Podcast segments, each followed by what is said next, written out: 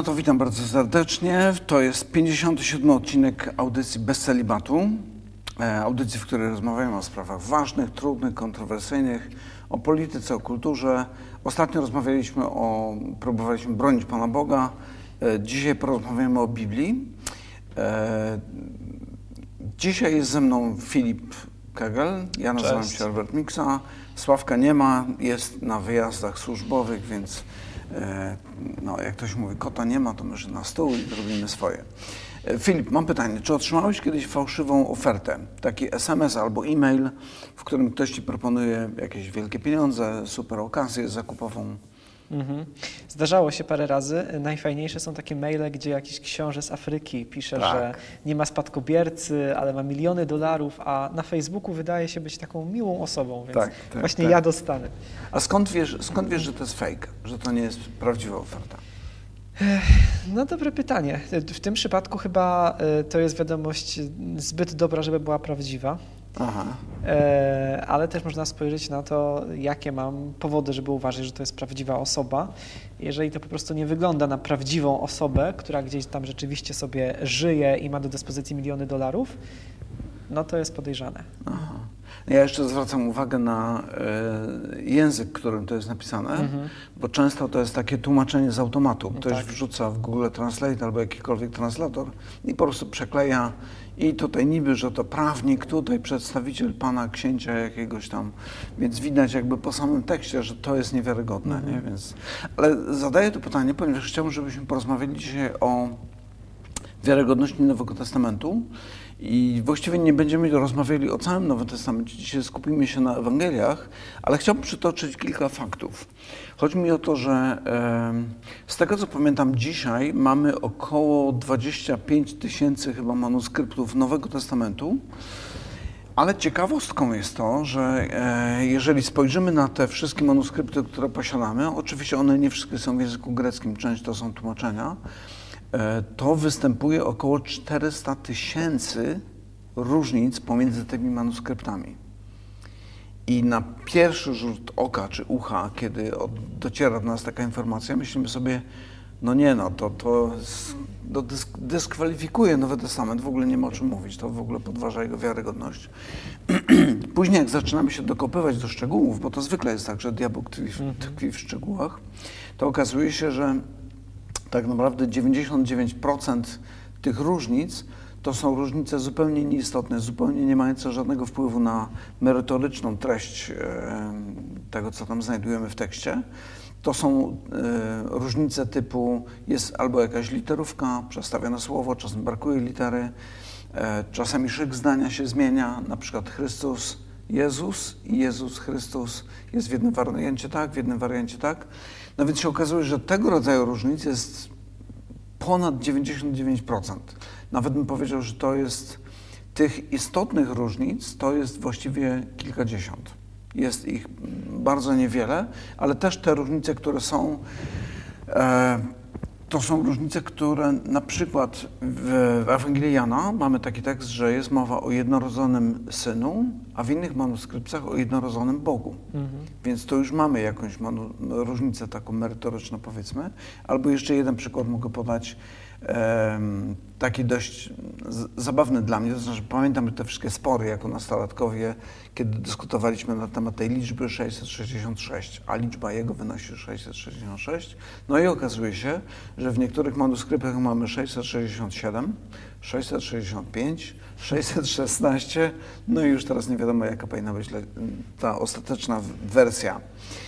Ale to są te różnice takie stricte tekstowe i nawet bym powiedział, e, czy na poziomie gramatycznym.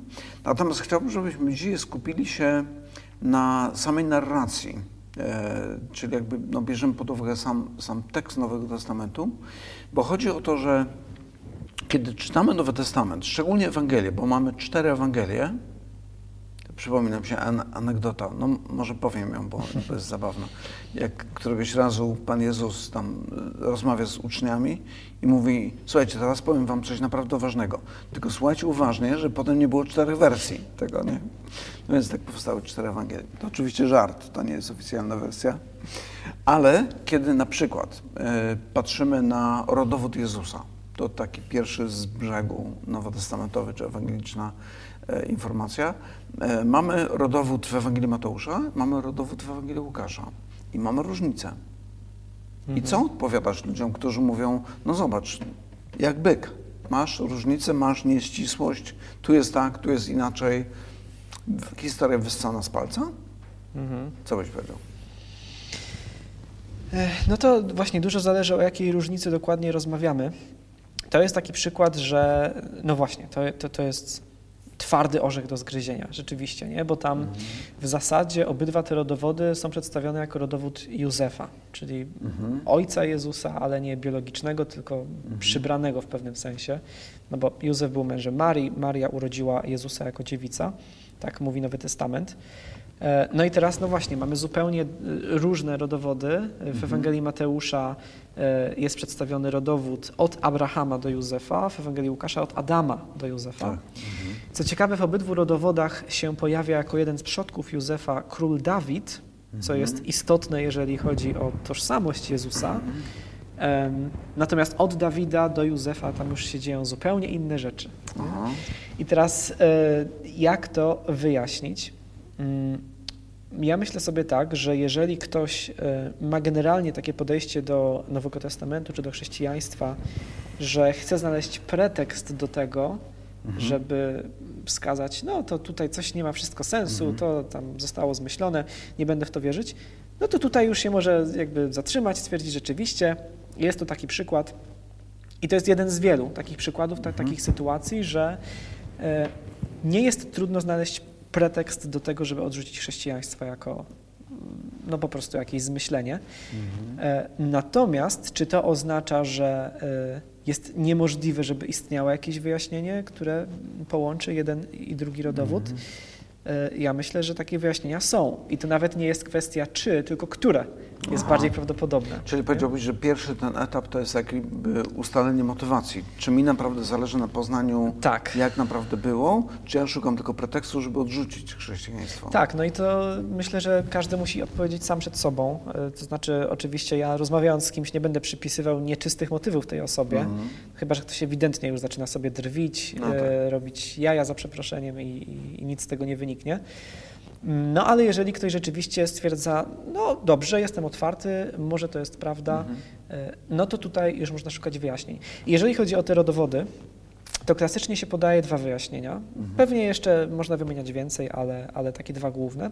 Pierwsze byłoby takie, że e, o ile ten rodowód w Ewangelii Mateusza jest rzeczywiście rodowodem Józefa, to rodowód w Ewangelii Łukasza mógłby być rodowodem Marii.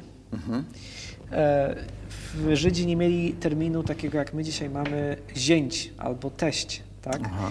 Więc w związku z tym Józef może być opisany jako syn ojca swojej żony, tak?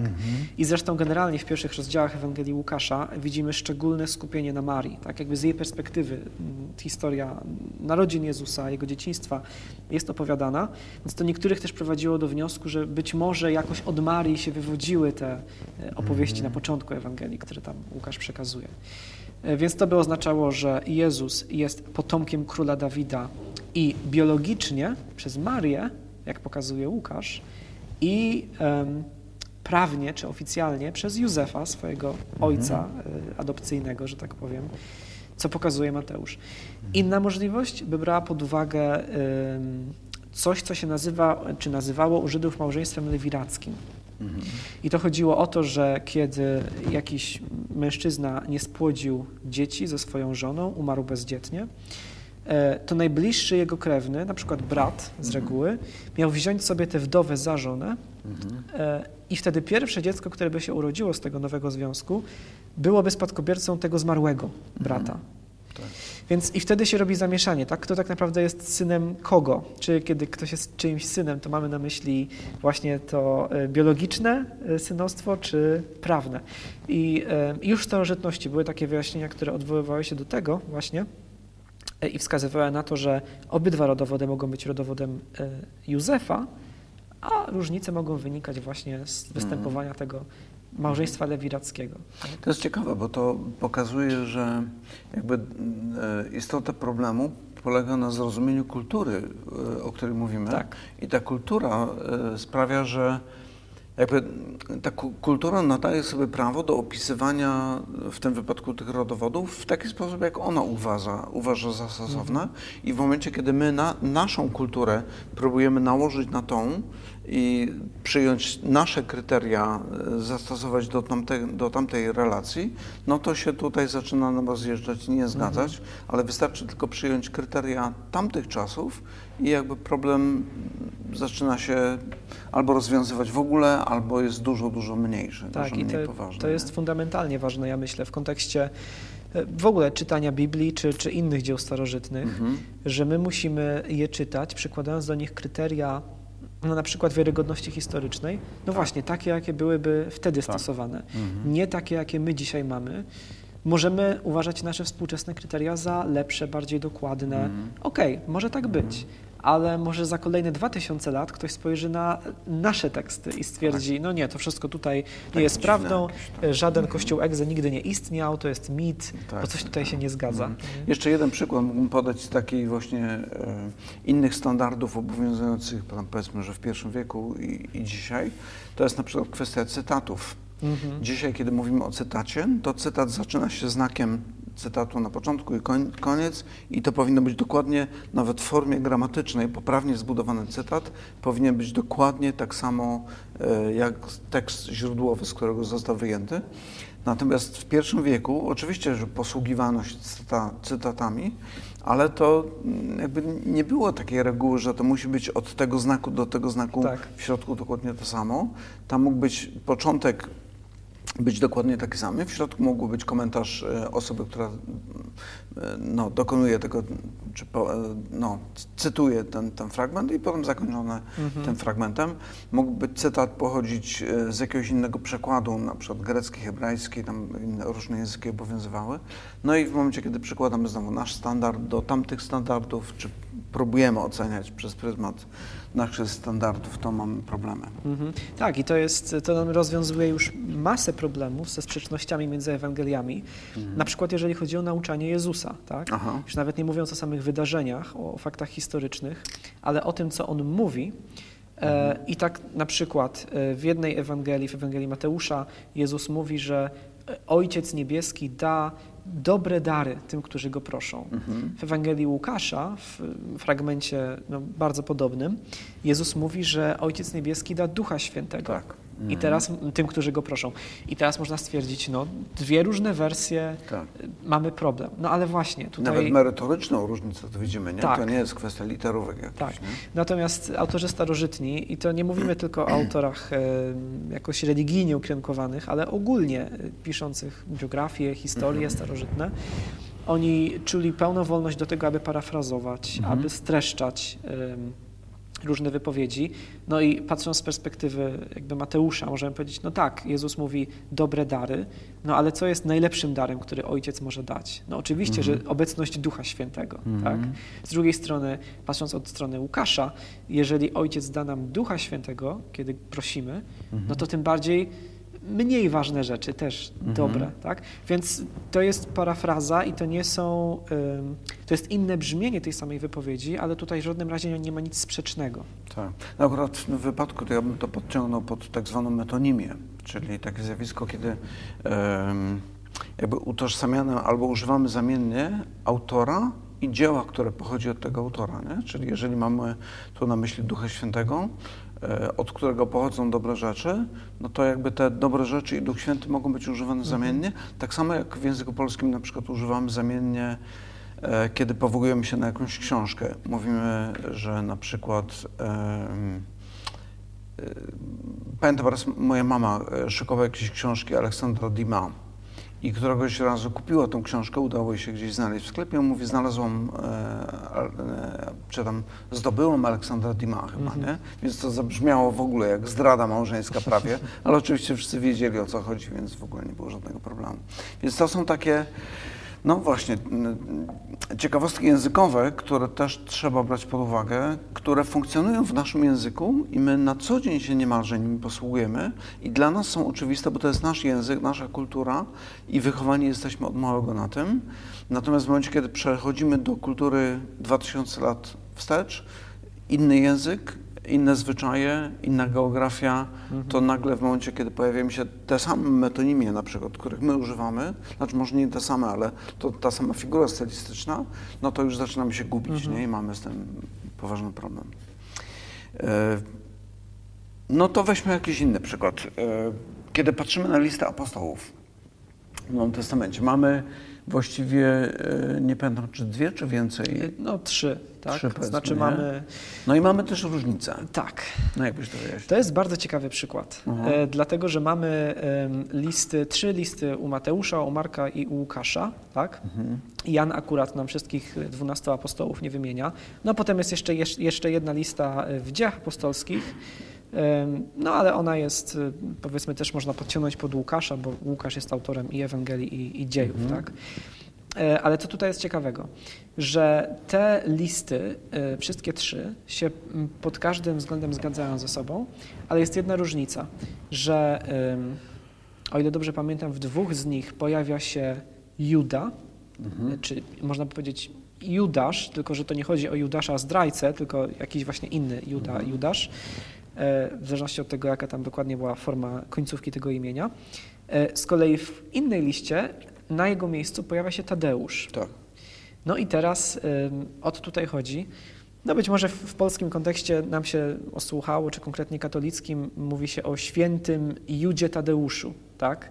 Tak jakby bierzemy dwa imiona i tworzymy z nich jedną postać. E, No ale jak to wyjaśnić? No to dlaczego się nie mogą zdecydować ewangeliści, jak on miał na imię? I ciekawa rzecz polega na tym, że takich przykładów, że jedna osoba jest określona dwoma, nawet trzema imionami, w Nowym Testamencie jest bardzo dużo. E, I są fragmenty, które mówią o tym wprost. Na przykład wielokrotnie pojawia się w Nowym Testamencie Jan zwany Markiem. Tak. Tak? E, Szymonowi Jezus nadaje imię Piotr. Jest e, Szaweł czy Saul, który, kiedy idzie na misję do Pogan, posługuje się już imieniem Paweł. Tak? Więc jest dużo tego rodzaju przykładów. E, I teraz dlaczego wspomniałem, że to jest ciekawy przypadek? Dlatego, że imię Juda, jedno z tych dwóch, to było jedno z najpopularniejszych imion męskich w Palestynie w czasach Jezusa. E, No, widzimy to chociażby po fakcie, że mamy dwóch Judów czy Judaszy wśród uczniów, tak, wśród apostołów. Tadeusz było imieniem e, no, związanym powiedzmy z Greką, nie tak do końca greckim, to byłby bardziej skomplikowany temat, ale imieniem rzadszym. W związku z czym, jeżeli były imiona bardzo popularne i wielu ludzi w jednym miejscu, w jednym kontekście nosiło to samo imię, pojawiała się potrzeba, żeby ich jakoś odróżnić. Raczej niewielu nosiło nazwiska, tak? Więc w związku z tym jeden Judasz był Judaszem Iskariotą, drugi Judasz, czy Juda, mógł być nazywany Tadeuszem. Aha. E, I to jest też ciekawe, dlatego że mm, kiedy spojrzymy sobie na źródła pozabiblijne, e, na przykład e, jakieś inne dzieła powstałe w tamtym okresie, albo napisy na nagrobkach, tego rodzaju rzeczy, to możemy na tej podstawie ustalić, jakie imiona były w czasach Jezusa w Palestynie najpopularniejsze. Aha. I kiedy przechodzimy do Ewangelii, to okazuje się, że najczęściej przy tych właśnie imionach są jakieś dodatkowe y, wyjaśniacze, czyli na przykład właśnie drugie imię, albo miejsce pochodzenia, albo imię ojca, albo pseudonim, albo coś jeszcze innego. Jaki z tego płynie wniosek? Płynie z tego wniosek taki, że autorzy Ewangelii wiedzieli, które imiona są, czy były najpopularniejsze w Palestynie w czasach Jezusa. Więc albo sami musieli być naocznymi świadkami tego, co opisywali, albo musieli bezpośrednio korzystać z, z naocznych świadectw. Nie ma takiej możliwości, żeby. No to tak jakbym chciał napisać powieść, której akcja by się działa powiedzmy we Francji za czasów rewolucji francuskiej, końcówka XVIII wieku. No kojarzę kilka imion, jakiś tam Jean i, i może coś jeszcze i bym napisał taką powieść, w której te imiona tak idealnie by się wpasowały, że to rzeczywiście byłyby imiona, które najczęściej wtedy występowały we Francji. Tak. To by miałbym wyjątkowe szczęście. Jeszcze większe niż dzięki temu mailowi z Afryki, tak? Więc to pokazuje, że nie, to nie powstało w zupełnie innym kraju 100 lat później. Tak. E, To są autentyczne tradycje.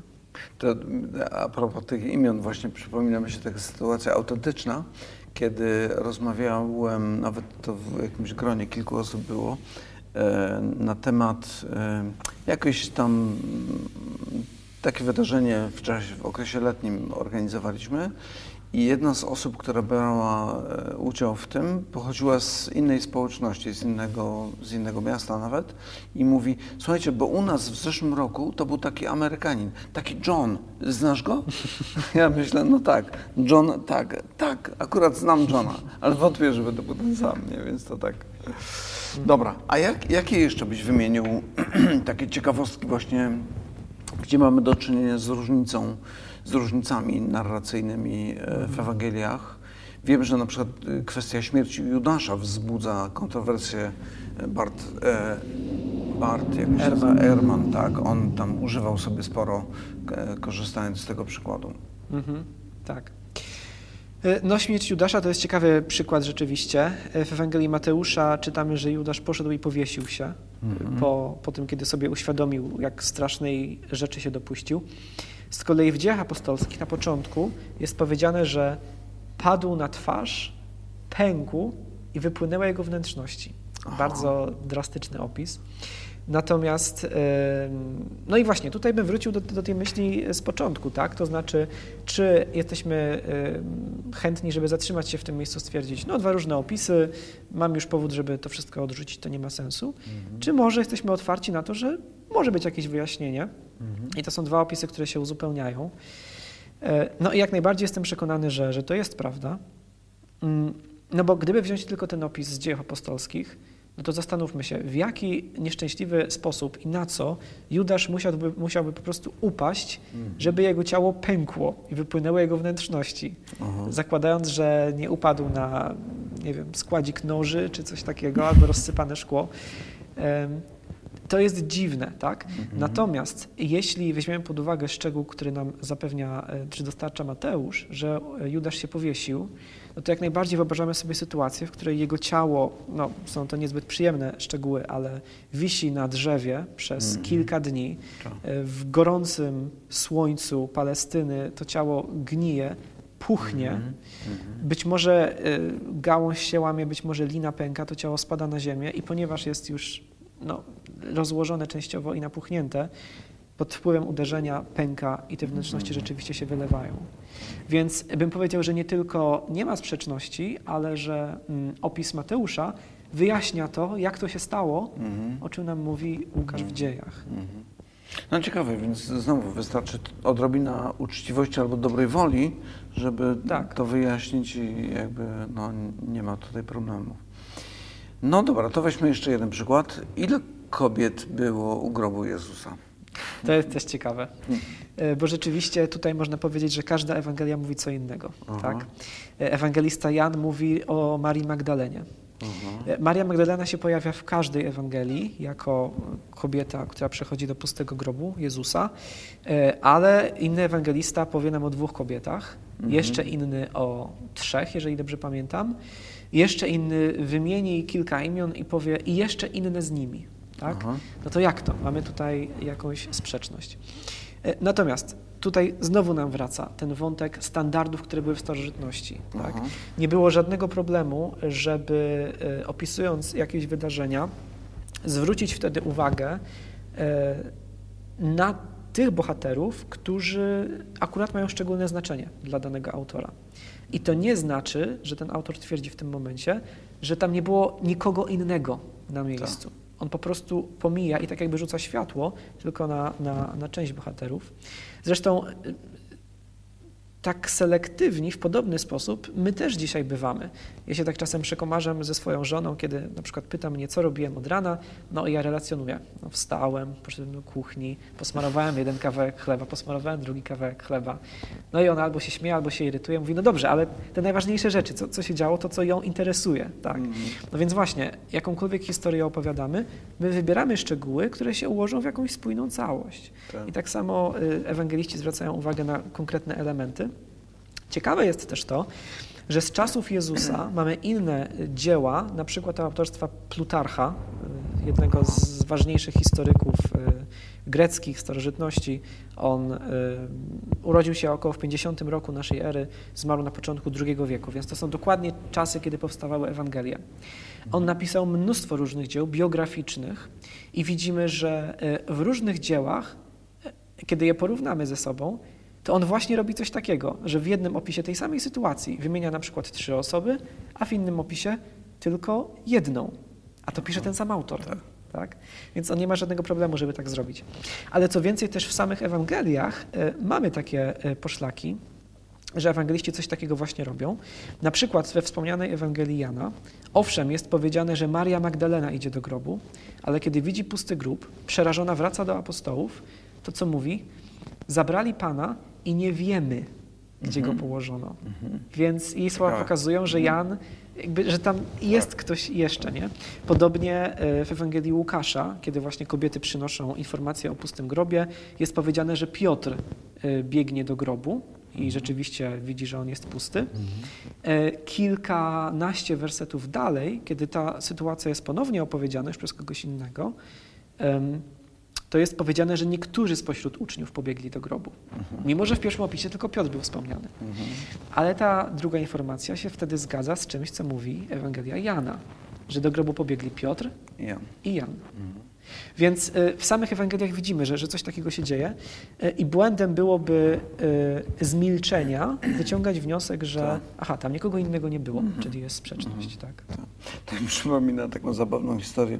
Kilka dni temu, teraz ostatnio mm, takie postanowienie sobie powziąłem, że codziennie rano idę do sklepu oddalonego około kilometr, tylko po to, żeby kupić jedną albo dwie bułki, na przykład na śniadanie i wrócić. Po prostu po to, żeby się ruszać. I ostatnio e, moja żona pyta mnie, akurat później szła troszkę do pracy i pyta mnie, ja już wróciłem z tego sklepu i mówi, jak było? Ja mówię, no wiesz, spotkałem ślimaka po drodze i wydaje mi się, że to był ten sam, którego widziałem wczoraj, tylko że był w innym miejscu, już chyba przeszedł kawałek dalej. Widziałem też mysz zagryzioną przez kota, ale dzisiaj już jej nie było, więc ktoś posprzątał. I można powiedzieć, no jakby nie było ludzi nic się nie wydarzyło, nie doszedłem do sklepu. No po prostu wybieram te informacje, które dla mnie były ciekawe w tym wypadku. E, No bo ludzie to są codziennie i to właśnie nie przyglądamy się temu. Tak, więc jesteśmy selektywni. Tak. I to też jest ważne w kontekście chronologii, Mhm. bo też są różnice między Ewangeliami, jeżeli chodzi o kolejność różnych wydarzeń. tak? E, Czasem one może nie są aż tak oczywiste, czasami są bardzo oczywiste, że po prostu ewangeliści przedstawiają tę historię inaczej, że coś się działo Mhm. tego dnia, albo tego dnia, albo to najpierw, to później, albo odwrotnie i tak dalej.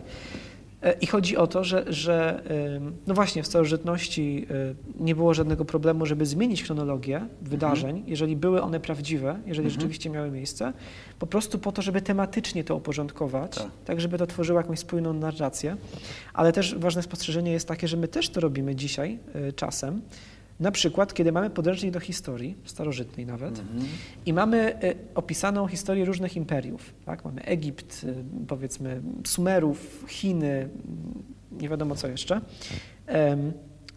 Na przykład jeden rozdział jest poś- poświęcony tej cywilizacji, kolejny rozdział tej cywilizacji. I teraz, czy to, że kończy się jeden rozdział, zaczyna się drugi, oznacza, że to, co będzie opisane teraz w rozdziale o Chinach, to się wszystko wydarzyło po Egipcie koniecznie? Tak, tak. No nie, my porządkujemy tematycznie rzeczy, Mhm. które tworzą jakąś jedną całość w jednym miejscu i potem przechodzimy do kolejnego tematu. I to Mhm. nie oznacza, że ten podręcznik do historii jest niewiarygodny. Tak, tak, tak.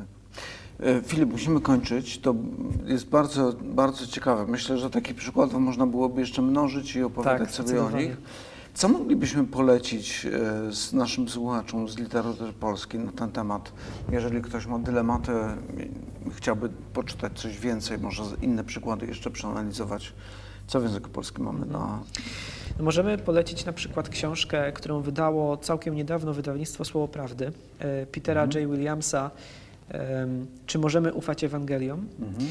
I to jest taka książeczka, mówię książeczka, bo jest dość krótka, która właśnie bierze w jedno miejsce, przedstawia w taki sposób, myślę, że dość zrozumiały, informacje z różnych dzieł naukowych dotyczących wiarygodności Ewangelii.